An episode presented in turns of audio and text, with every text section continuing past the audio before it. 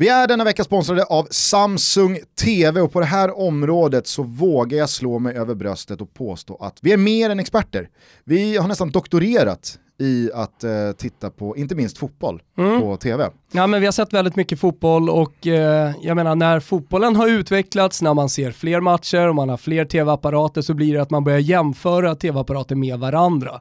Och eh, ja, var landar vi någonstans då Gusten? Ja, vi landar hos Samsung. Mm. Det jag gillar med Samsung det är att de har en TV för alla personer, alla rum och alla behov. Alltså kontoret med kontorets behov, jag har tjejernas rum, jag har min öppna planlösning och sen så har jag Helenas extrema designintresse som jag liksom måste förhålla mig till. Och sen så har jag mina hårda krav på upplevelsen eftersom jag ser så många fotbollsmatcher varje vecka. Och när vi nu pratar om kravställning på en TV och min ständiga önskan att ha det bästa Gusten. Och när jag säger det bästa då menar jag verkligen det bästa. Ja då finns det bara en TV för mig. Håll i dig nu. Håll i dig nu! Samsung QLED 8K. Äh, men det här är helt otroligt. 8K upplösning, färger, kontraster, detaljer. Ja, det är verkligen en TV som aldrig förr. Dessutom med en ram som är otroligt tunn och som kan monteras tätt på väggen och endast ha en kabel som leder på ström och data. Alltså det här är en TV som verkligen sticker ut genom att smälta in. Det är den bästa fotbollsupplevelsen jag i alla fall har upplevt. Jag vill också ha en sån.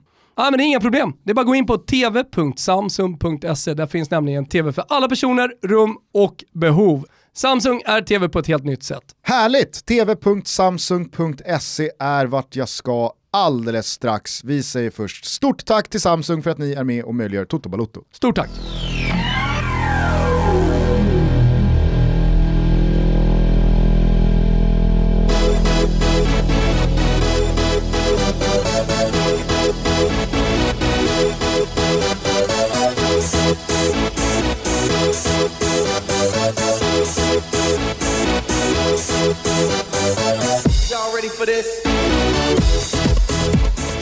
Hjärtligt välkomna ska ni vara till Toto Balotto. Det är torsdag den 21 januari och vi har återigen en händelserik mittwoch bakom oss. Eh, fotbollen fortsätter ju rulla eh, redan ikväll. Men det är ju så här, man kan inte hålla på och vänta in allting. Någonstans måste man bestämma sig för att göra ett nedslag och skicka ut ett eh, andra avsnitt i veckan.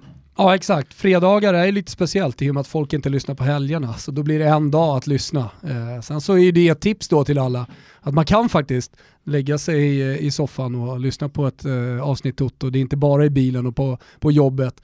Fan vad folk lyssnar på jobbet Gusten. Mm. Helvete vad många arbetstimmar Toto Balotto har snott. Så är det och jag vill eh, bara börja den här episoden med att säga tack till alla som har mejlat oss, eh, inte bara här nu senaste tiden utan egentligen alltid.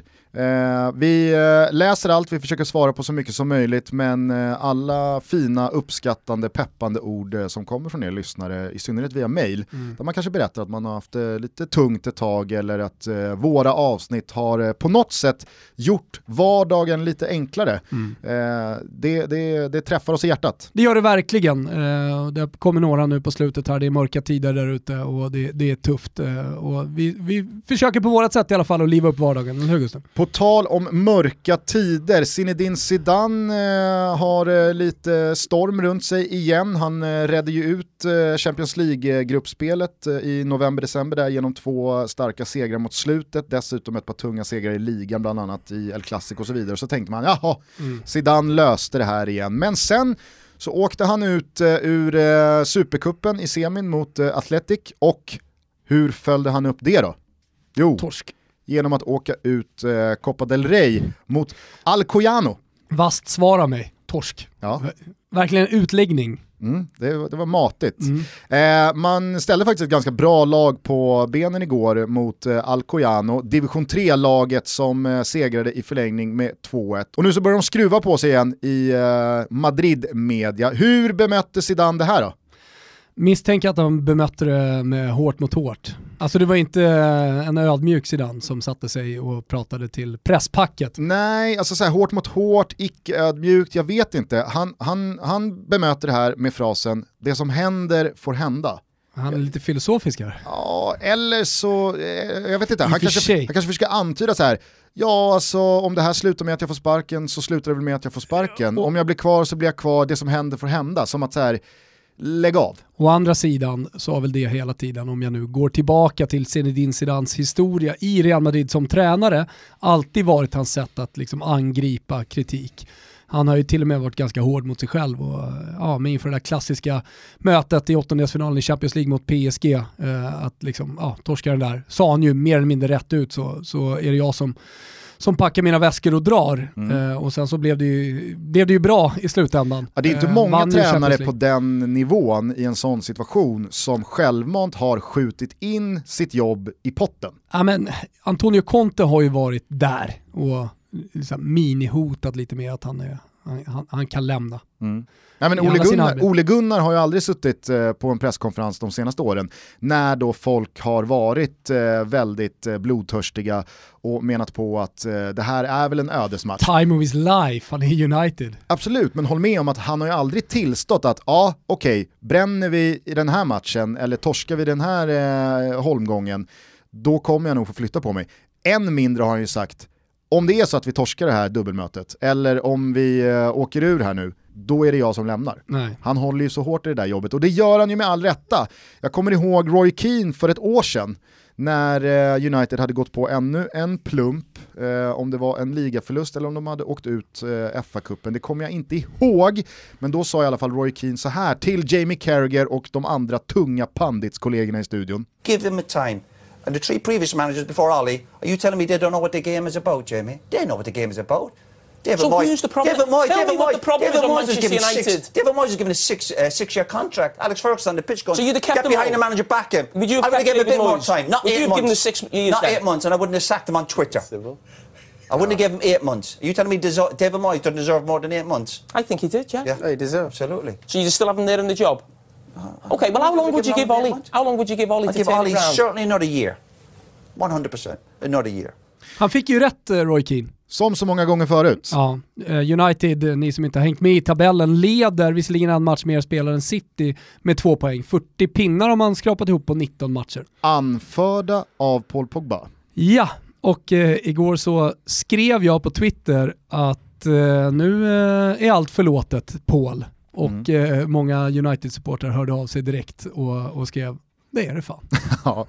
Tänk då om man hade satt det där jätteläget mot Liverpool i söndags ja, eh, med 10 minuter kvar och avgjort den matchen också. Allting. Då hade nog någon eh, gått till tatueringsstudion. Nä, nästa steg är att hyllningskörerna börjar även från Manchester United-supporterna, även från kritikerna. Mm vår bästa spelare, fullständigt fundamental. För nu är de i en titelstrid och eh, vi liksom stormar mot den eh, engelska våren. Och de kommer ju vara kvar i den här titelstriden, det kan vi ju vara säkra på, när våren väl börjar. Absolut, och så har de ju Liverpool här i helgen i FA-cupen, möjlighet till att ta en jätteskalp. Men skulle man förlora den matchen och åka ut, här ska jag då återkomma till Zidane och Real Madrid, så tror inte jag att det behöver vara speciellt dåligt.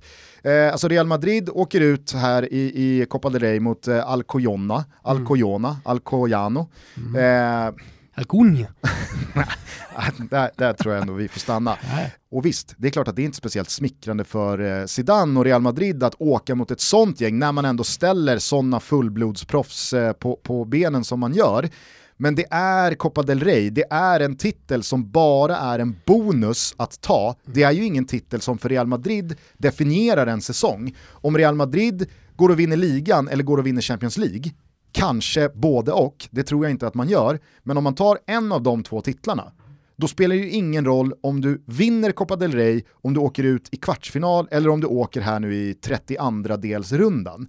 Kolla på Atletico Madrid, de åkte mot Cornella i förra omgången det är väl ingen som bryr sig om det. Det är väl ingen som på något sätt använder det gentemot Diego Simeone om Atletico Madrid går och vinner ligan eller går långt i Champions League. För det här är ju klubbar som inte, de bedöms inte på Charity Shield-titlar ligacuptitlar eller ens FA-cuptitlar. Arsenal brukar ju vifta med FA-cuptitlar, att ja, men det är minsann en tung titel. Ja visst, jag vill inte förringa FA-cupen, men det säger någonting om vart Arsenal är i näringskedjan och var någonstans City, United, Real Madrid, Barcelona och Atletico Madrid är i näringskedjan. Thomas Tuchel kan ju inte stå och vifta med Coupe de la Ligue som PSG-tränare och, och hävda att ja, men det är minsann ett kort att stoppa i bröstet. Pochettino, visst, nu tog han sin första titel här, eh, Supercupen mot Marseille, men det är ju, alltså, Det är mer en bra start. Exakt. Han, han kom igång. Nej, Första det, titeln. det, det är snarare så här, det är ingenting. Det enda som hade kunnat vara någonting är om han hade torskat den. Då hade det varit så här, du kan inte komma hit och torska supercuptitlar, du kan inte tappa inhemska Precis. Det finns inget att vinna. mot franska Det konkurrenter. finns bara att, förlora. Det finns bara att förlora. Och det är det jag menar med Real Madrid här när de åker. Atletico Madrid åker i, i förra mot ett annat dynggäng. Men stormar mot en titel. Manchester United, om de åker ut mot Liverpool i FA-cupen, det hade varit någonting Om om. United just nu sladdade på en sjunde plats Mm. och, och, och liksom verkligen fick kämpa för att hänga med i Champions League-racet. Nu leder man ligan. Mm. Slutar det med att man pressar Liverpool och Manchester City och kanske Leicester hela vägen in på målsnöret till en ligatitel, då är det ju ingen som Ingen som kommer komma ihåg. Ingen kommer dra upp att man också Nej. åkte ut FA-cupen i, i, i slutet på januari. Nej, och så tar du Juventus fall då som har problem, eh, torska mot Inter, eh, spelat dåligt på slutet eh, och som då onsdag vinner Supercupfinalen. Alltså det, det var ju viktigt för Pirlo, Han- men han hade också bara att förlora. Mm. Alltså det ger honom kanske lite mer tid, eh, man kan peka på en del positiva eh, detaljer i, i spelet och kanske få lite självförtroende i truppen. Men sen så har du Romas uttåg, ja men där, där, där är vi liksom i ett läge i Roma där man faktiskt inte kan förlora den där kuppen inte på det sättet man, man förlorar den, utan då läggs det på den negativa högen och det blir jobbigare för Fonseca, det blir jobbigare för spelarna. Även om man har hittat syndabockar nu dock. Man pratar inte så jävla mycket om Fonseca, om spelarna, att det var dåligt och man borde ha vunnit och så vidare. Men jag tycker ändå att man pratar ganska mycket om Fonseca. Jag vet, men det har ändå lagts, både från klubbens håll men från medias håll, ett jävligt stort fokus på eh, det här sjätte bytet som man gjorde. Är du med på vad som hände? Eller? Ja det är jag sannerligen. Den enda som verkar ha koll var väl Lorenzo Pellegrini. Han Exakt, stod och instruerade där vad fan problemet var. precis. Alltså gjorde bytet var ju Gianluca Gombar, 28 år, team manager i Roma. Vem är den här gubben då? Jo, hans farsa är säkerhetschef i Roma och bästa polare med Palotta.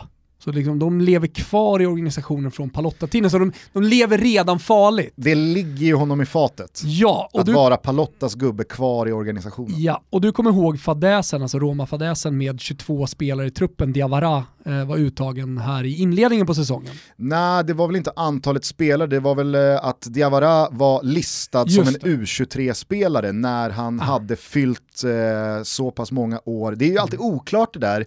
Eh, om om så här, U20, U21 betyder egentligen att du inte får vara 24. Ja, exakt. Eh, och U23, jag vet inte exakt vart gränsen går, men Diawara var då reggad som en U23-spelare när han inte fick vara det. Således så torskade Roma matchen mot Hellas Verona med 3-0 vid skrivbordet istället för att få en pinne och spela 0-0 så som matchen utspelade sig på planen. Men ska du vara en team manager som normalt sett bara flyter med, sköna killen, länken mellan spelarna och ledningen och så Morgan vidare. DeSantis. Morgan DeSantis sköter det ju eh, exemplariskt, men då måste du även lösa sådana detaljer. Och där, på tal om att man bara har förlorat, sånt här får man inte missa på.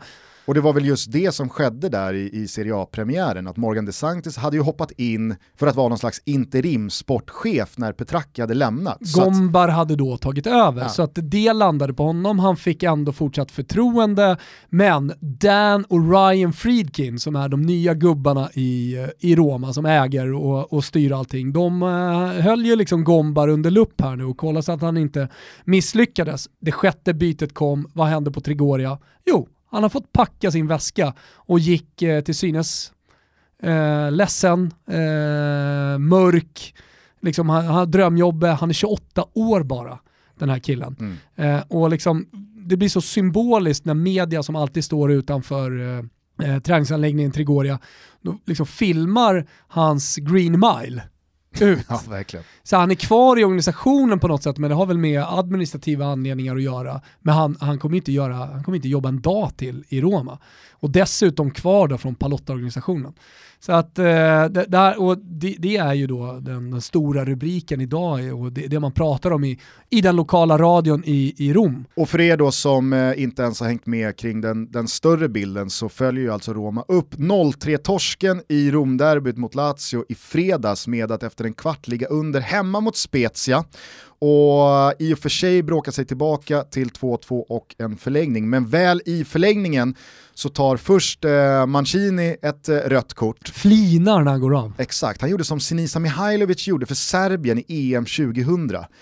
Men där, alltså så här, det är ju en sak när Sinisa Mihailovic, ärrad, mm. erfaren, är ju liksom eh, en alfahannes alfahanne väl ute på plan. Du kommer ihåg med kra kragen upp uppåt, han hade ja. tejpade handleder, han hade ju guldlänk. Han, alltså han, han, hade i sin karriär smält in tre stycken frisparkar i en och samma match. Hattrick på frisparkar. Han hade blivit förärad med frasen är det frispark på offensiv planhalva så är det alltid målchans om man har Senisa Mihailovic i laget.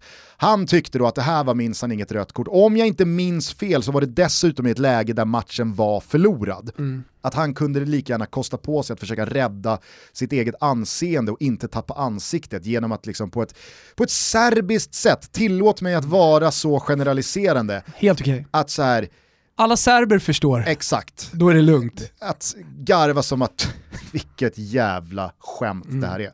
Mancini väljer att flina då när han har satt sitt lag i skiten i början av en förlängning hemma mot Spezia, en match man verkligen inte kan förlora efter att ha stått för den derbyinsatsen. Mm. Och innan bildproducenten ens har liksom landat tillbaka på spelet så är även Paul Lopez utvisad efter en av de eh, mer illa tajmade utrusningarna. Är det inte så? Ja, alltså, de kör ju reprisen på utvisningen och ska precis då komma tillbaka till sekvensen. Ja, men man då ser, ligger någon död man, på man planen. ser hur förhastat det är för att någon har väl snappat upp att vänta här, Paul Lopez ger sig ut. Ja. Eh, dubbla röda kort eh, och det här eh, gick ju inte att stå emot. Eh, Roma spelade ju 4-3-0 och då säger jag 0 för att Edin Dzeko gick och drog benen efter sig där uppe på mittplan. Kom in. Exakt, eh, och till slut så kan Spezia gå ifrån då till både 3 och mm. eh, 4-2. Vilket jävla mål som Saponara gör. Det är ju eh, väldigt likt den chippen Totti gör på Peruzzi. Mm i 5-1-derbyt. Återigen sådär härligt tycker jag när eh, gamla supertalanger eh, som är på ålderns höst, eh, karriären är på väg mot 35-strecket, okej nu är inte Saponara där riktigt än men, men du vet, det närmar sig och så kommer man till spets och tänker man vad fan ska den gubben göra där? Han, han är ju bäst på plan, mm. han är otroligt jävla bra. Ja. Och när det här målet eh, faller, ja men då är ju uttåget redan klart för det här målet görs med bara någon minut kvar av förlängningen mm. och det är 4-2 och så vidare. Jag tittar på den här matchen i min telefon, för den sändes ju inte på någon tv-kanal som gick att ratta in speciellt enkelt i, i Sverige. In på tuben va? Så då missar jag att det på Twitter redan har börjat snurra från då stora italienska konton att Roma har gjort felaktigt antal byten så att hur den här matchen än slutar så, så kommer de diskas. Och det var liksom, ja men körsbäret på tårtan, löken på laxen. Alltså i slutändan så spelade det ju inte någon roll. Nej men de sista sju minuterna det, spelades det i vetskapen att Jaha, det spelar ingen roll om Roma med två man utvisade här nu mirakulöst eh, kvitterar och sen löser en straffsparksläggningsavancemang. De kommer åka ändå. Mm. För att man gör då ett byte. Det det här var ju det som skedde i MLS. Mm. Kommer du ihåg uppståndelsen som blev med den här straffläggningen eh, där spelaren hoppar in och blir hjälte men det är felaktiga byten för man får Domaren inte har ingen aning om vad som händer. Och det, alltså så här, det är ju en Ja, det är klart att jag tycker att man ska ha koll på reglerna, i synnerhet den som är avlönad. Säga, ni har gjort alla era ja, men, alltså, I synnerhet den som är avlönad för att ha koll på reglerna, mm. i, det här, eh, i det här sammanhanget då teammanagern. Mm. Eh, men eh, det, det, blev ju en sån här situation igår på två håll, eh, dels i City eh, mot Aston Villa och eh, i, i Supercupen då mellan Juventus och Napoli. Manchester City gör ju ett mål som vid första anblicken i liksom hela ens kropp känns så fel. För Rodrigo eller Rodri är ju, han är ju 20 meter offside när bollen då nickas tillbaka från Manchester City-mittfältet mot Aston Villas backlinje. Där bakom i bakytan så släpar Rodri, alltså han är 15 meter offside, mm. när den här nicken då bara lyras uppåt. Tyrone Mings, mittbacken i Aston Villa, han väljer att så här, han agerar ju utifrån att ja, men Rodri, han är ju offside med 15 meter. Han är inte med i spelet. Så han kan ju inte gå in och störa mig här. Nej. Jag tar ner den på bröstet och ska bara spela den 6 eh, meter vänster till mittbackskollegan, Konsta eller vem det nu var. Mm.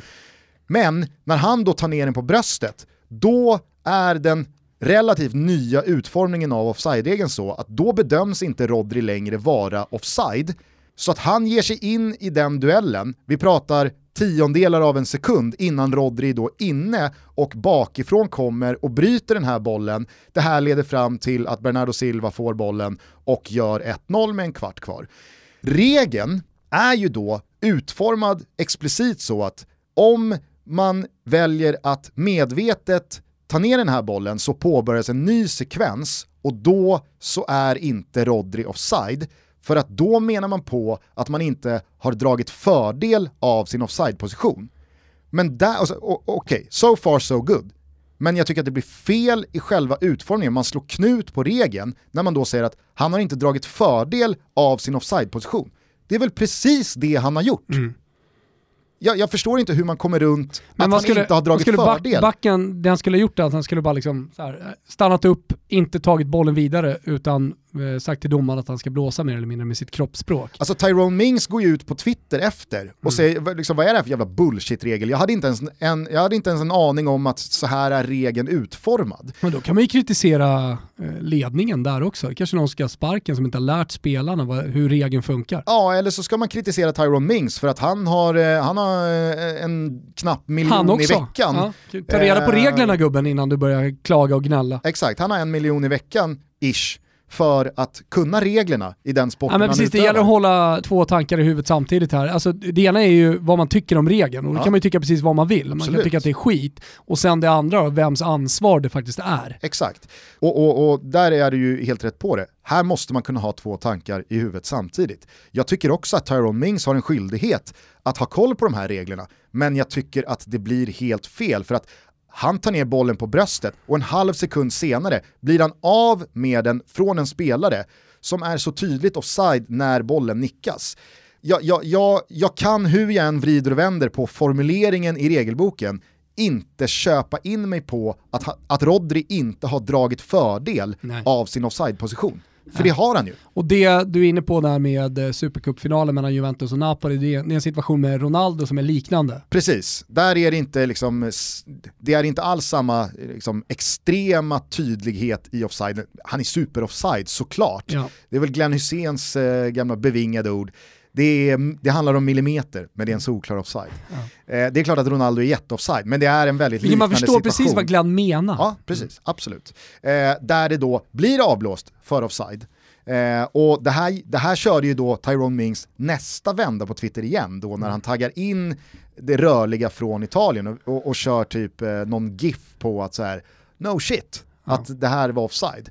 Eh, så att, ah, det, det, det, det, är en del regler som är ganska, det, är som, det, det framgick ju igår igen, att det är väldigt många som inte vet om att man inte kan vara offside på inspark. Just det. det är säkert många som, nej mm. man kan inte vara offside på inspark för att Vardy var inblandad Hörna, i en sån situation sak. i förrgår mot Chelsea. Men det är bara första sparken om man nu behöver påpeka det. Se för övrigt här, vet du vad som har hänt Gusten? Nej. Global Sport Officer Manolo Subiria, han har också fått gå från Roma. vad det nu är för jävla roll! Global Sport Officer. Hur hade ett svenskt eh, lag, en svensk klubb, agerat om eh, det hade begåtts ett misstag? No. Det hade ju självklart inte hänt någonting, utan snarare hade det ju varit eh, ja, där, försvar, där även från supportrarna. Ja, men Hallå, där, det, är ett, kickar, det är ett misstag. Där kickar väl också LAS in? på, något jävla, på något jävla sätt ska facket in i alla fall. omöjligt att göra sig av med Finns ingen las i Rom. Nej, nej. nej. Det här påminner ju också om den Dubbla gamla... Dubbla huvuden rullar dirr. På tal om Copa del Rey, kommer du ihåg den gamla matchen vi gjorde med Johan Mjällby tror jag, i uh, Eurosport-studion? Uh, vill minnas att det var Cadiz. Johan Mjällby med dundertorso och dåligt sittande jeans. 60-talist personifierad. Ja. Nej, men, uh, Amaronen väl... stod på luftning hemma, inte dekanterad, utan korken var öppen. Jävligt mycket luft som kommer in i den där vinflaskan. Det var väl Real Madrid som åkte och mötte Cadiz i Copa del Rey. Så var det ja. Och eh, Dennis Cheryshev var tillbaka i Real Madrid efter en eh, säsongsutlåning till Villarreal året innan, där han då i Villarreals uttåg ur fjolårssäsongens Copa del Rey blev utvisad och då hade Real Madrids eh, liksom, eh, team management-ledning missat att då är Cheryshev avstängd i nästa Copa del Rey-match alldeles oavsett om det har varit brytpunkt mellan de olika säsongerna och han är tillbaka i ett annat lag. Men Cheryshev spelade och så börjar det här uppdagas under den första halvleken. Så det här kom ju ut då, ja men från typ minut 33 mm. så vet alla att Real Madrid kommer att eh, åka ut eh, från skrivbordet. Och det var ju så jävla speciella scener när de här... Eh, I studion? Ja, dels det, men, men det, det börjar ju liksom springas och tjoas och det, liksom, paniken börjar sprida sig. Byter de inte typ ut dem och hoppas på det bästa? Exakt, de, de tror vi plockar Cheryshev i paus och märker ingen någonting. Undrar om det sitter någon pinsamt. i administrationen i ligaförbundet och vet om det här när matchen börjar och bara vi jävlas. Förmodligen. Eller hur? Ja, ja. Nej, men alltså det, det är väl, de borde ha eh, koll matchen innan, men jag tänker att de inte då påpekar det när truppen eh, lämnas. Det där tror jag är, är vanligare än vad man tror. Att, att, det är kul. Folk vet om att oj oj oj, här har vi en eh, skandal i antågande, mm. men för maximal effekt så måste vi vänta med det här tills det verkligen smäller. Mm. Det var som det här med, med Propulsion, alltså Elitloppsvinnaren. Alltså. Eh, han var ju då nervsnittad i knäna, vilket man inte får vara som svensk eh, tävlingshäst. Och det här har ju då Norsk Travsport, den tidningen, vetat om i flera år. Men de har iskallt suttit på de uppgifterna och väntat på att Propulsion ska ta en tung seger. Och så då dagen efter Elitloppssegern i, eh, i maj, då skickar de ut ah, men det här har vi vetat om ett par år, men vi, vi har för maximal effekt väntat ut. Det, det kan man ju tycka vad man vill om, eh, men eh, de har ju ingen skyldighet att redovisa sånt. Det är inte deras Nej. häst, det är inte de som bryter mot några regler. Nej. Men bara kort och tillbaks till eh, Roma Spezia, så tror Roma att man får göra det här extra bytet mm. för att det är Paul Lopez mm. som blir utvisad. Men det hade man då inte riktigt Och Pellegrini vänder sig och det, det, har ju då blivit, inte klassiska bilder för det är för liten match, eh, men det har ändå blivit en snackis när Pellegrini vänder sig mot eh, Gombar och visar upp sex fingrar och bara Janlu, Janlu, det är då, det är som, som, som man skriver ut det i rubriken, Janlu. Mm. Janlu, ah, vi har gjort sex byten. Och visst, det är, det är, väl, klart att det, det, är väl, det är väl rimligt på något sätt att han får gå, men jag, jag hoppas Är inte. det rimligt ja, ut, ut sven, du, du är svensk Gusten, ja, ja, med rötter i Härjedalen och sosse och alltihopa. Jag har inga rötter i Härjedalen. eh, men eh, alltså så här, ur ett svenskt perspektiv, nej. Fan vet men... du vad, om dina jävla rötter i Härjedalen vet du ingenting om. Så är det väl. Ja. Det kanske finns något. Det kanske finns någon gammal släktband dit också. Finns något sneknull där uppe? Eventuellt. Ja. Eh, men ur ett italienskt perspektiv så är det väl rimligt att liksom, Det är jätterimligt. En sån här figur får gå i ett sånt här sammanhang. Det jag bara skulle komma till var att jag hoppas inte han att fått det befordring, nu... Han har fått befordring i Sverige. Förmodligen. Nej men eh, eh, alltså, jag hoppas inte att det här från Friedkin och neråt ska säljas in som att vi har, nu har vi minsann agerat, kolla vad vi är handlingskraftiga. För att allt som är fel i Roma just nu, det handlar ju inte om att den här 28-åringen står på eh, Vad nu eller som inte. är fel i Roma, det kan vi väl återkomma till eh, någon gång, men det, det som jag sa, det, det, det, är ett projekt som är låg eh, slash medelintensivt och det kanske också kan vara rätt väg att gå och bygga sakta. Vi är denna vecka sponsrade av UC och UC känner du säkert igen för att du någon gång har fått en upplysningskopia när någon har tagit en kreditupplysning på dig, men UC gör så mycket mer än bara det. Är det sant? Jag trodde det bara var UC. Har du gjort en UC-koll? Nej, nej, nej. nej. Ah, nej okay. Då får du gärna berätta. UC verkar för att du och jag och alla andra ska få en så bra överblick över sin privatekonomi som det bara går med hjälp av Kreditkollen. Du pratar kontroll över privatekonomi låter det som. Mm. Mm. Exakt. Och det här gör UC genom eh, sin så kallade UC-score. Det är en omvandling av din riskprognos som UC skapat för att det ska vara enkelt att förstå hur din riskprognos ser ut. Varför är det viktigt att veta hur ens riskprognos ser ut då? Jo, när du till exempel ansöker om ett lån hos banken eller handlar på faktura eller eh, med avbetalning så är det riskprognosen som banken och företagen tittar på. Ja, men jag fattar, alltså, kreditkollen är ett verktyg som man kan använda för att få kontroll på sin privatekonomi och i kreditkollen så kan man alltså se och följa utvecklingen av sitt UC-score. Och det här tycker jag också är viktigt Gusten.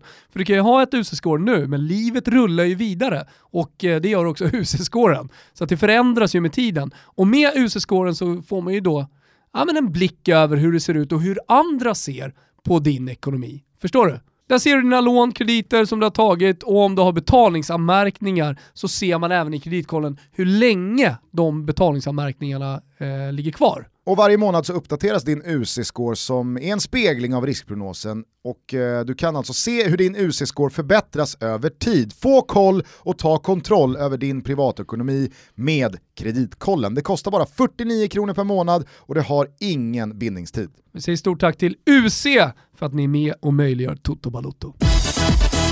Eh, har du koll på Junior Messiah Gusten? Eh, nej.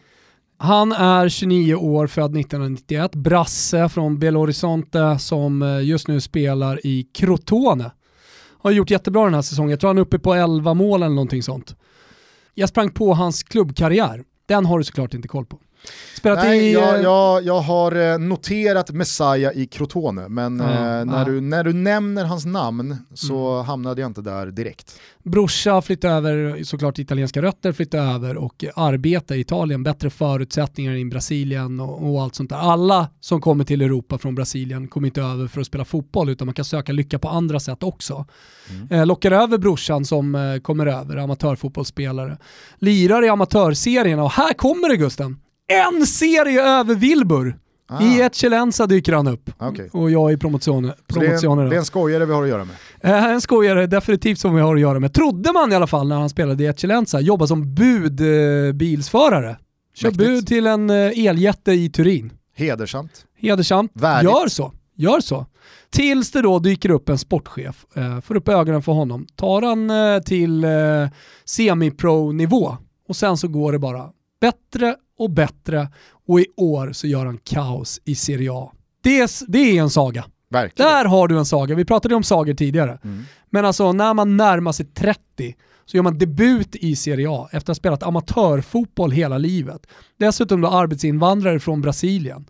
Knega på, han är säkert rätt nöjd eh, i Turin, spelar lite amatörfotboll, har ett schysst jobb eh, och allt sånt där. Eh, men då kommer hela vägen till Serie A. Vilken jävla saga! Den eh, kände du att fan det här, det, här, det här gör min torsdag? Ja men det gör min torsdag för jag liksom bara sprang över den. Mm. Det var inget, och sen, sen heter han Junior Messiah, bara det. I, eh, kanske på brasilianska, Junior Junior Messiah. Men jag misstänker att det har samma innebörd som eh, även ett europeiskt klingande Junior Messiah. Det, det, det, är internationellt. Han är satt på jorden för att eh, frälsa oss från våra synder. Mm, jag tror att han är dessutom på lån från Gozzano som är en klubb som såklart ingen håller koll på. Nej. Nu, eh, nu, ja. Eh, nu eh, tycker jag att vi får, vi får släppa de här eh, Sagorna? amatörklubbarna på italiensk nivå. Det har, det, har blivit, det har blivit mycket sånt sista veckorna. Jag vet, men det har också varit många den typen av eh, historier och då, då vill vi uppmärksamma det. Ja, man får ändå tillstå att eh, är det någon liga som har glittrat lite extra här i januari så tycker jag att det är Serie A. Ja, Tyskland och Frankrike och Spanien har gått lite på tomgång mm. senaste veckorna. Mm. Det har saknats eh, riktigt eh, snaskiga sportsliga intriger där. Tycker Serie A har eh, gasat. Ja, gått i bräschen lite grann. Och sen eh, gör det ju ingenting för svenska intresset eh, när Zlatan går otroligt bra, gjorde dubbla mål igen, har vi pratat om det? Nej. Nej, eh, och eh, Kulusevski startar Supercupfinalen, gör en av sina kanske sämre insatser måste man ändå säga, men, men är ändå godkänd. Liksom. Plocka första titeln plocka första, hur värderar du den då? Nej men alltså det är väl lite som... För hans eh, del så är det bara... Det är väl som för Pochettino. Ja. En första titel är ändå en första titel. Ja. Många ska det bli. Vi kan väl säga så här, Zlatan har ju räknat in sådana titlar. Ja, ja. Och... framförallt till totalen när karriären summeras. Precis, jag tror inte att Kulusevski kommer eh, stoltsera med Zlatans eh, 30-ish titlar i karriären. Maxwell som har typ 42. Ja, det är väl Maxwell, det är väl Dani Alves Eh, som jag tror är de, eh, Dani Alves är väl den mest eh, titelbeprydda spelaren. Kingsley Coman är ju på någon slags raketkurs eh, ja, mot att spränga det eh, rekordet. Eh, och Koman, på tal om Coman rekord. är väl typ 23-24 år och har typ 23, 23 titlar. 24, ja, lite äldre, 25-26 skulle jag säga. Men Cristiano Ronaldo numera också bäst i världen genom tiderna. Har gjort hisnande, hur många mål då? 700... 760. 760. Han eh, Ligger i lä mot passerade- Pelés eh, fejkrekord. Romario är väl där också, gjort över 1000 mål påstår han. Men här pratar vi officiella tävlingsmål och Ja. när det kommer till Ronaldo så går det ju verkligen inte att, att liksom claima några luddiga mål som inte går att backtracka. Alla hans mål finns ju dokumenterade, registrerade i officiella sammanhang. Och igår så passerade han alltså Josef Bikan som inne hade det tidigare rekordet på 759 officiella tävlingsmål. Han kan man stifta mer bekantskap i i vårt eh, Never Forget-avsnitt som vi släppte för en dryg månad sedan om man eh, vill det. Mm, en Men- kvart, 20 minuter sådär, eh, hans historia. Jag skrev på Twitter igår att 760 mål kommer man upp i om man gör 38 mål per säsong i 20 år. Ja. Och det, det, är, liksom, det, är, när man, det är när man tänker på det så som det blir helt jävla Ja, det- omskakande. Ja exakt, det, det är, man, man blir alldeles eh, svettig. Vi pratade om det med vår superproducent Kim Wirsén innan vi gick in i studion. Att, alltså, jag är uppvuxen i en fotbollsvärld där man alltid pratade om att ah, men det här laget behöver en anfallare som gör 20 mål per säsong. Kan man bara få in en 20 måls Det är eh, Ja. i det här laget, då kan man ta nästa steg eller då kan man utmana om den här ligatiteln. Då pratar man om det 20 mål. Mm. Alltså när man började närma sig 30 mål, då var det ju helt plötsligt guldsko, det var prat om eh, Ballon d'Or, det var prat om är det här världens bästa eller Europas bästa eller ligans bästa anfallare. För 30 mål på en säsong, det är helt otroligt. Jag skulle säga att det är väldigt få spelare som har gjort eh, över 20 mål per säsong, tre säsonger. Exakt, ja ja. I modern, eh, ta bara modern tid, alltså från 2000 och framåt. Eller ta från 90-talet och framåt. Ja. Hur många är det? Som har gjort tre säsonger där de har gjort över 20 mål. Ja, det, är inte, det är inte många. Och visst, det är inte bara ligamål vi pratar här nu, utan det är klart att det är alla kuppspel och så vidare. Men det är fortfarande inte i närheten av 20 mål i snitt. Det är inte i närheten av 30 mål i snitt. Det är alltså 38 mål i snitt över 20 år. Och då har inte Ronaldo varit igång i 20 år, utan han har snarare snittat Men, men jag skulle du, säga att Ronaldo börjar göra mål 2003. Mm. Det är väl då liksom breaket Mm. kommer, Sporting Lissabon. Han, Utgår från en kant i början ska ja, sägas han, kommer in i, han kommer in i portugisiska landslaget där mot hemma i EM 04. Så att säg, säg 2003, Mm. 2002 kanske hans första mål reggas, men 2002, Ty- då är vi helt plötsligt uppe på 42-43 mål i snitt per säsong. tycker bara viktigt att påpeka, både vad det gäller Leo Messi och eh, Cristiano Ronaldo, att eh, ja, i Ronaldos fall så har ju den positionen ändrats lite, kanske i Messis fall också, men att de utgår som yttermittfältare så att säga, eh, initialt i karriärerna. Mm. Exakt. Och Ronaldo ganska lång tid. Ja men Ronaldo var ju lik Zlatan. Det var ju jag vet inte vad Messi är numera, men ja. Nej, exakt. Nej, men Ronaldo var ju inte heller någon målmaskin första tre, fyra, fem åren. Nej. Det, det var han ju verkligen inte. Det, det, det skulle jag säga att han s- blev i Real Madrid. I Manchester United så var han ju aldrig, även fast han mot slutet gjorde en jävla massa mål, så var ju han aldrig målgaranten som man lutade sig mot att här får vi 30 mål på en säsong. Nej. Eh, Men det, var ju, bara- det var ju snarare bara en explosion av mål sista två säsongerna som var häpnadsväckande. Men eh, det, jag tror att det är viktigt så att ingen börjar sparka bakut. 38 mål är inklusive landslagsmål officiella då. Eh, Absolut, och eh, ja, cupmål och så vidare. Så när, när du säger gör man över 20 mål på en säsong, då, då, då pratar du ligaspel egentligen. Alltså, visst, det, det är väl klart Men, att här, det handlar väl frasen om egentligen, men det Så borde frasen handla om 25 mål per säsong inklusive kuppspel och landslagsspel kanske. Jag vet inte. Ja, ja, absolut, men eh, inklusive landslagsspel, inklusive kuppspel, hade en forward 1999 eller 2003 gjort bokslut efter tävlingssäsongen och kunnat stoltsera med jag gjorde 32 mål. Jag me- det, det jag menar är att eh, Då Dario hade den- Hübner, Ja. han gjorde inga landslagsmål och de åkte ut tidigt i cupen för att spela ett dåligt lag. Dessutom spelade han ett dåligt lag som inte gjorde speciellt mycket mål. Eh, så att hans mål är eh, värda mer. Absolut är de, De är värda mer, men hade han spelat i ett topplag, hade han spelat i ett landslag, så kanske han hade gjort sex mål till den säsongen. Ja. Alltså, Ja. och, och, och jag, jag, jag vill bara understryka det, hade en anfallare den säsongen, 98-99 eller 2002-2003, kunnat peka på jag gjorde 32 mål den här säsongen, Mm. så kan jag ta gift på att den spelaren hade haft kanske max fem spelare framför sig i Europas stora fem ligor av spelare som hade gjort fler än 32 mål Mm. den säsongen. Alla tävlingar eh, inräknat. Ja. Och det här är då någonting som Ronaldo har gjort i 19 år. Det är, Det är helt jävla otroligt. Det är det. Jag reagerade också på, vi brukar ju skoja om låtsasrekord, men samtidigt igår så dök det upp då efter Bayern Münchens hållna nolla mot Augsburg att eh, Manuel Neuer då tangerade Oliver Kahns rekord på antalet hållna nollor i Bundesliga. Otroligt. Blev jag glad över insikten att fan vad många nollor Kahn höll. Ja. För att visst, Bayern München var Bayern München även på 90-talet, men absolut inte på samma sätt som Bayern München har varit Bayern München i Bundesliga under Manuel Neuers tid. Nej. Visst är Dortmund och Leverkusen och Schalke, sa jag Schalke precis. Du fattar vad jag menar. Ja, men Gladbach, du har dessutom ett VM-guld i. Brasilien och 7-1 mot, eh, mot just värdnationen eh, som på något sätt liksom stärker generationen, Manuel Neuer-generationen. Ja, ja absolut. Alltså- och, och sen så tog ju Tyskland titlar med Kahn också, EM-guldet 96. Ja. Fast då var Köpke va? Visst fan var det Köpke som stod i EM 96? Eh, VM-final 2002 i alla fall och så Var vidare. Det... det- Det, var ett bra jävla Tyskland. Var det EM 96 som Lothar Matthäus inte fick vara med i? Eh, Tror att det var det mästerskapet.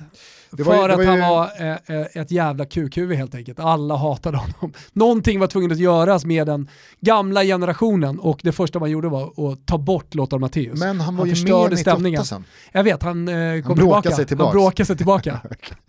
Ja. Eh, nej men... Eh, Tror att det var så. Vi, vi har gjort ett avsnitt, eh, på tal om Never Forget, om det också. Ja, eh, nej, men jag, jag tror nog fan att det var Köpke EM 96. Skitsamma, det jag skulle komma till var i alla fall att det är väl klart att det har varit väldigt bra lag i toppen av Bundesliga, eh, även under Manuel Neuers, vad har han gjort nu, tio säsonger i Mm. Bayern München. Men skillnaden på Bayern München under de senaste tio åren mot sig lag sju och neråt är ju enorm jämfört med Bayern München mot Bundesliga-lag 7 och neråt under Kahns tid, om du förstår vad jag menar. Alltså, och att Neuer först nu, 34 år gammal, kommer upp i Kahns antal hållna nollor. Kan är ju inte glad. Kahn är absolut inte Det är glad. inget eh, trevligt sms som dimper ner och säger grattis sådär som man brukar göra när målrekord slås eller ja, den här typen av rekord eh, slås. Men jag kan inte komma ifrån att jag ändå reagerade på ett ändå liksom jävla imponerat sätt igår kväll när jag liksom satt och nickade med i att fan, det tog alltså tills nu Mm. För någon att komma upp i Oliver Kahns antal hållna nollor. Mm. Det, det, det gjorde mig glad. Mm, ja, det blir man glad för. Du, saker man blir glad för. Dimper ner ett sms från Helena här. Två Toto-följare knackade på och lämnades chips. Fan vad mäktigt. Tack för chipsen då, får man passa på att säga det. Vitt vin, jag har en bild där. lite Chips. läskigt ändå. Knacka på. Nej fan knacka på, har ni grejer till mig så är det bara att gå förbi. Grejer. Ja, magiskt. Ja, okej.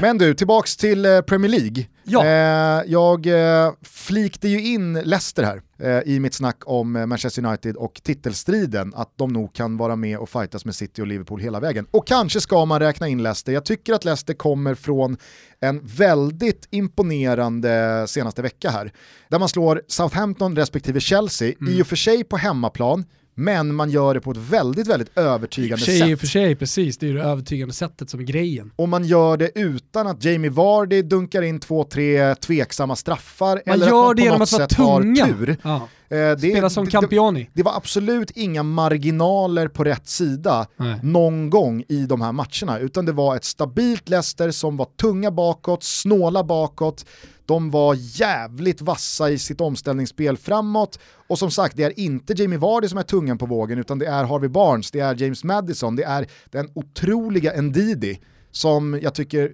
visst uppmärksammas en hel del för hur underskattad han är och framförallt hur viktig han är för Leicester. Men ur, ur ett större perspektiv så tycker jag att eh, Ndidi får väl- lite för lite cred. Ja, alltså när han värvades av Leicester var det ju många som eh, tyckte att det var konstigt. Alla trodde att han skulle gå till en så att säga större klubb. Ja. Han var ju så jävla hyllad och eh, folk trodde att han skulle landa ah, men i en av de största klubbarna och göra kaos där. Eh, nu har han fått göra det i Leicester, så det, det, det är ett nyförvärv som, det är en sportslig ledning som gör någonting otroligt bra här. Ja, verkligen. Och det är då kanske inte bara en one-hit wonder, eller det är det definitivt inte för att de är i toppen och de har varit under en lång tid. Det finns bara en person här nu som sitter och är, är livrädd. Vem är Det är? Claudio Ranieri. Ja. Han har ju gjort det omöjliga. Fast är inte Ranieri... Menar du att han har krattat, att det bara blir ytterligare körsbär på den tårta som är liksom eh, Claudio Ranieris eh, lagbygge och taktik och, och Premier League-titel i slutändan. Om de vinner igen, för då kan han säga jo men det var jag som började det här. Det var jag som, eh, som, som, som visade att det faktiskt gick. Absolut så tror jag att någon eller några procent eh, ska tillskrivas Ranieri. Men mest, mest är hans grej. Nej, men jag, jag, tänker om man jämför med Oliver Kahn och hållna nolla-rekordet som Neuer nu tangerade eller tog. Alltså Kahn känner ju noll, pro- han känner ju noll procent liksom glädje eh, eller tycker att det är kul att eh, hans rekord är slaget. Men Ranieri kan ändå tänka mig genuint tycker det är roligt om Leicester gör det igen. Mm.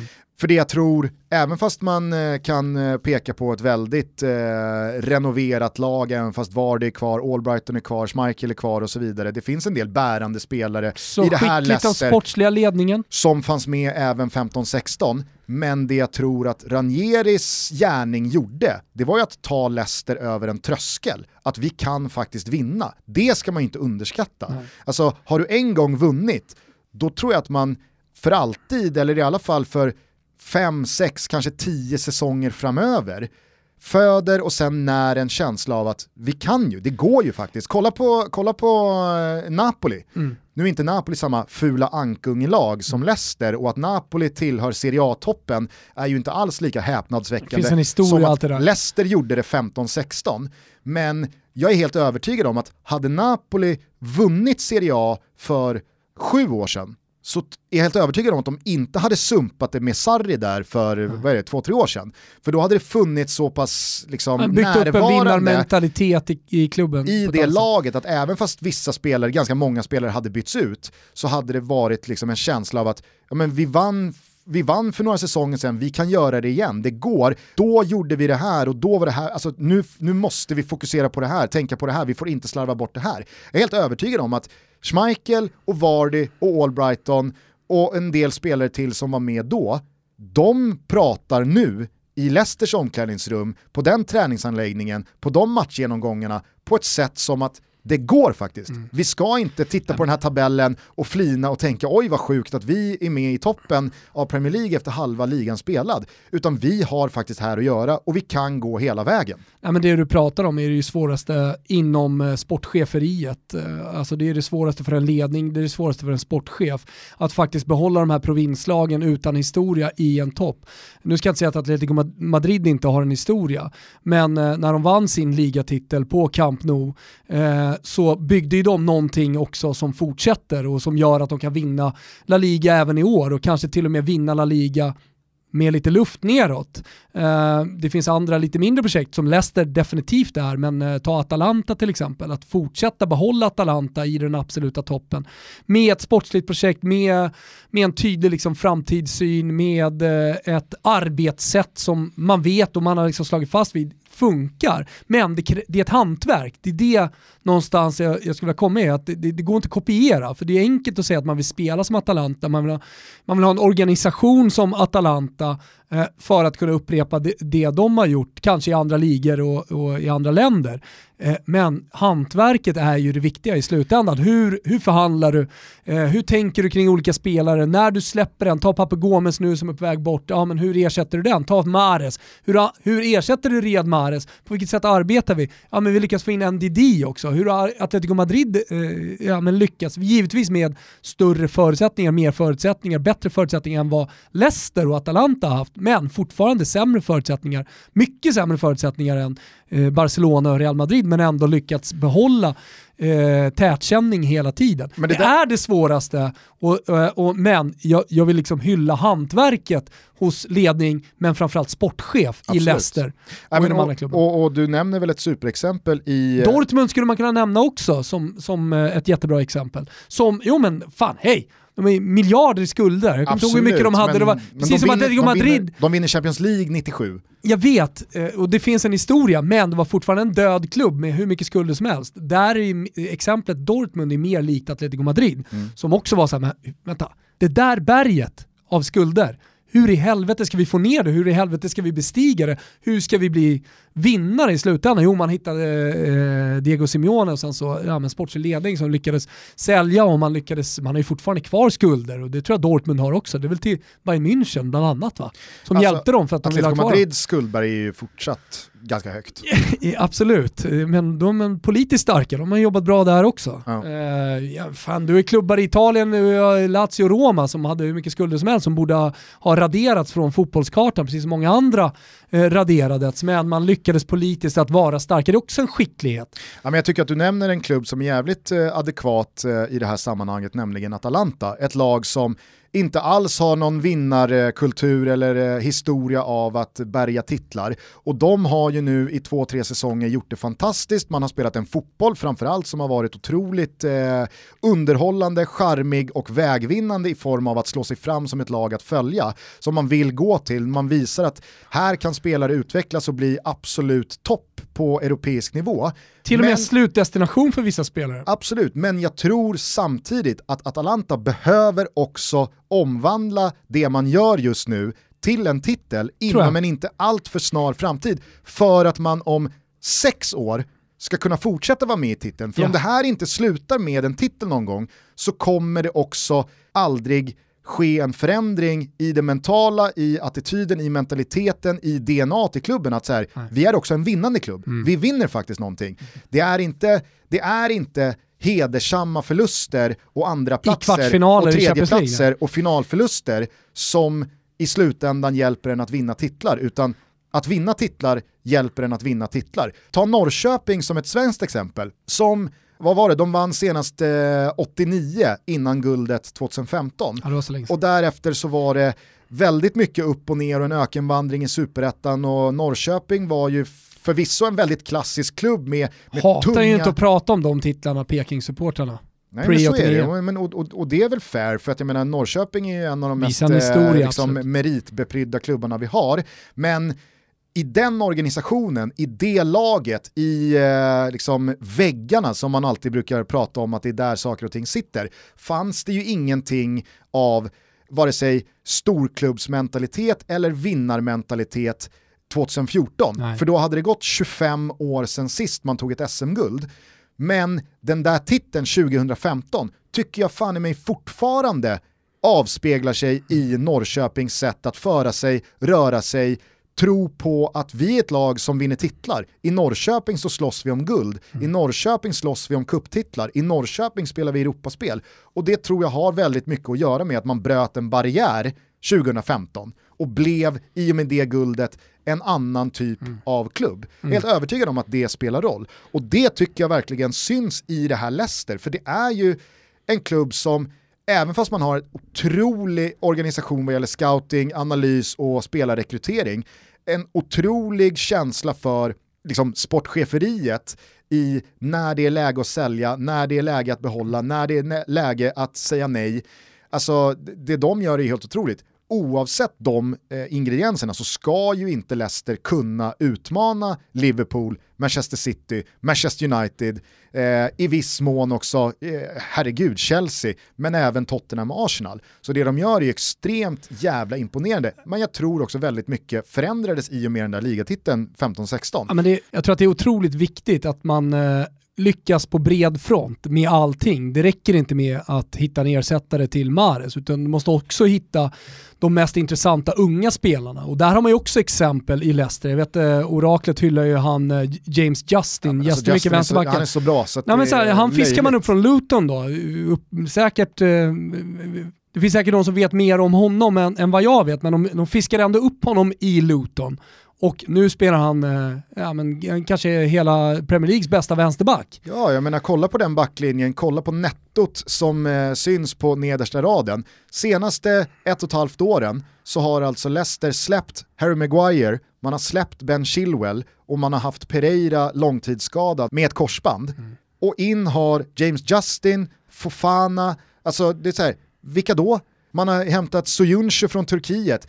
Man har ju hämtat från Atalanta faktiskt, i Kastanje. Exakt, ja, men alltså, det är ingen som saknar Maguire i Leicester. Nej. Det är ingen som saknar Ben Chilwell och man klarade sig väldigt bra utan Ricardo Pereira som nu är tillbaks men jag tror att han kommer få svårt att slå sig in i den där backlinjen igen. Ja, och haft tålamod med spelare, för det är väl inte så att Barnes har haft sina bästa år, eller bästa matcher hela tiden de, de senaste åren, även om han hyllades som en enorm talang när han kom upp. Han är fortfarande ung, han är 97 men, men han går ju jättebra. Ja, ja. man har haft tålamod med sina spelare, låtit dem växa i en ganska trygg miljö. Och sen så tror jag att man har haft väldigt eh, konkreta, tunga bud på James Madison, men om man jämför den situationen med Maguire-situationen så tror jag att man också har visat en jävla fingertoppskänsla för vilken spelare kan vi faktiskt släppa för de här pengarna och ersätta utan att det kostar för mycket.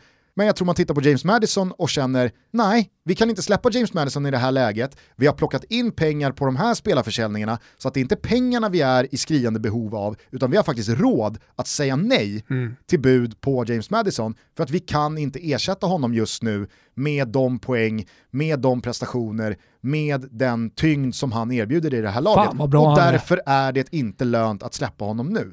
Så att, eh, jag, tycker, jag tycker Leicester eh, förtjänar en jävla cred. Eh, det är en extremt välskött klubb och jag tror verkligen att eh, man kanske inte har i, i toppen eh, att göra liksom, kontinuerligt varje säsong. Vilka har å andra sidan det? Det är typ Liverpool och... och Ett fåtal klubbar, absolut. eh, Li- Liverpool och City de senaste åren, Manchester United kommer säkerligen vara en av de klubbarna. Ja, jag skulle avsluta min mening med att man har nog inte i toppen att göra kontinuerligt här nu kommande tio säsonger. De kraven kan man inte ha på en klubb som inte har den omsättningen, den spelarbudgeten som de riktigt stora drakarna har.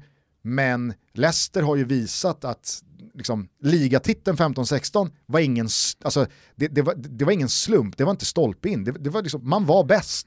Och man var bäst på ett sätt som inte bara utmanade utan också knäckte liksom de mer traditionellt tänkande storklubbarna att vilka är de bästa spelarna eh, synligt i världen? De, de, eh, Med hos- rätt organisationer de, med, med, med, personer för. som kan hantverket så, så kan det komma jävligt Ja. långt. Jag rekommenderar alla att lyssna på eh, When We Were Kings avsnittet om eh, Leicester. Mm. Just i hur man får fram liksom, eh, Mares, eh, Jamie Vardy men kanske framförallt N'Golo Kanté. För de använder sig redan då väldigt mycket av analysverktyg som är nog betydligt mer vanligt i eh, spelarrekryteringsfasen idag egentligen hos alla klubbar. Mm. Men redan då så var det så här, hur vi än vrider och vänder på alla våra analysverktyg från Frankrike så är det en mittfältare som sticker ut i typ alla aspekter. Och det är N'Golo Kanté. Vem? Eh, vi, vi vet inte, men den här jäveln är, det är liksom, han är outstanding.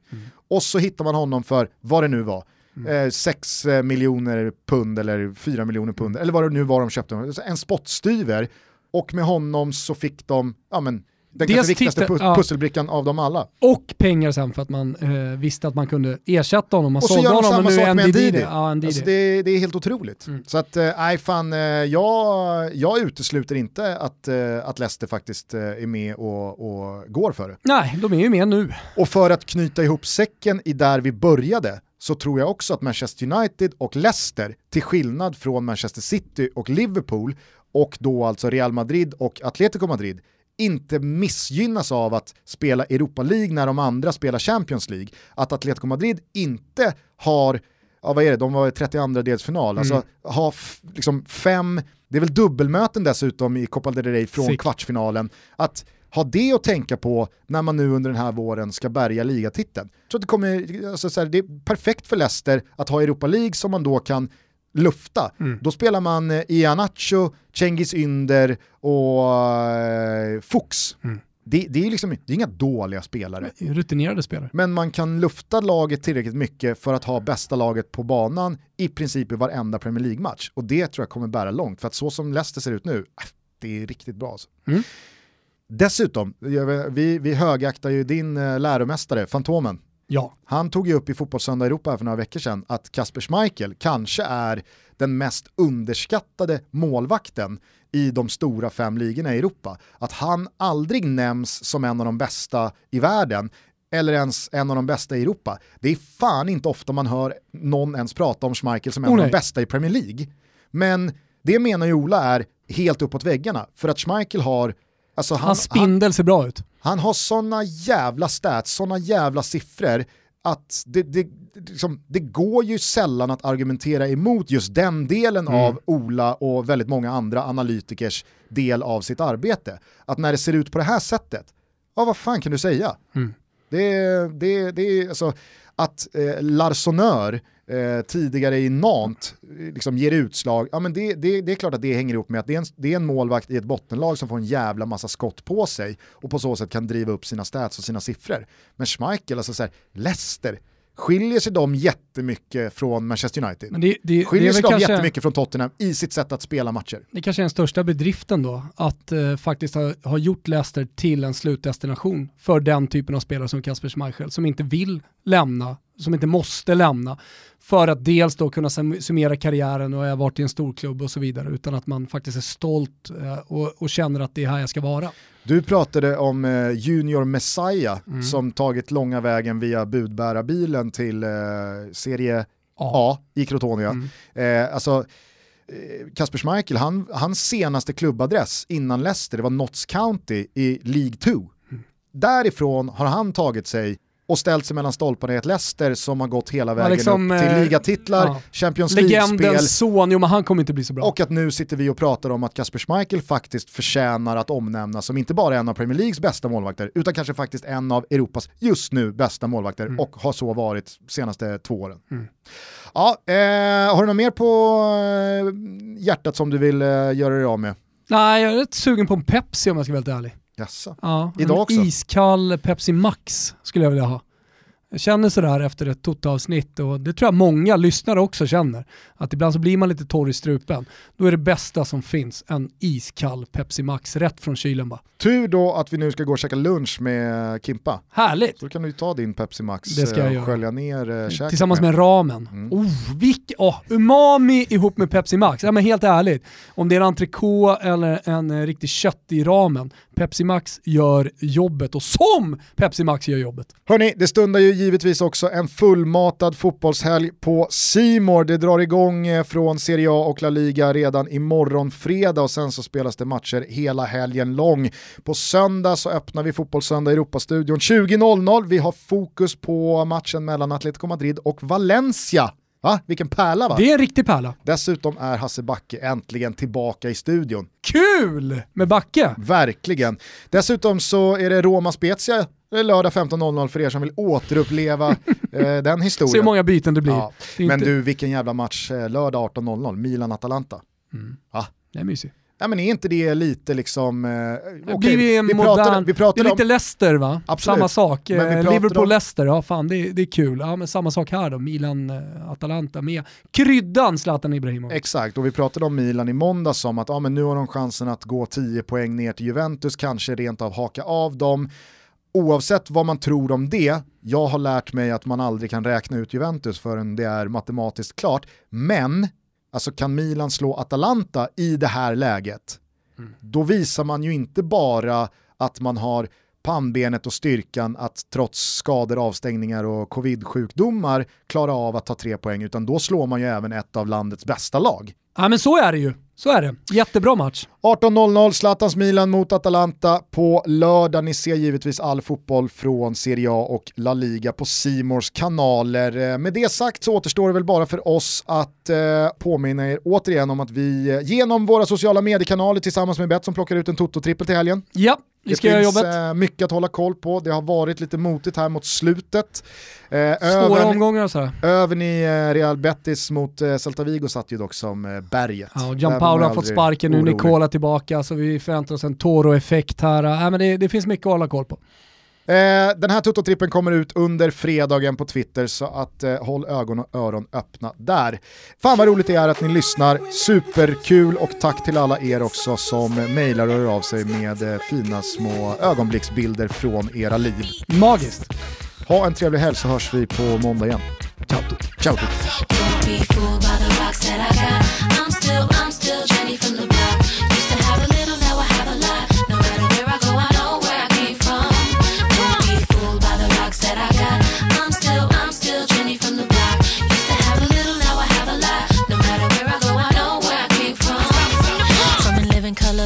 scripts to all my six to J Lo to this headline clips.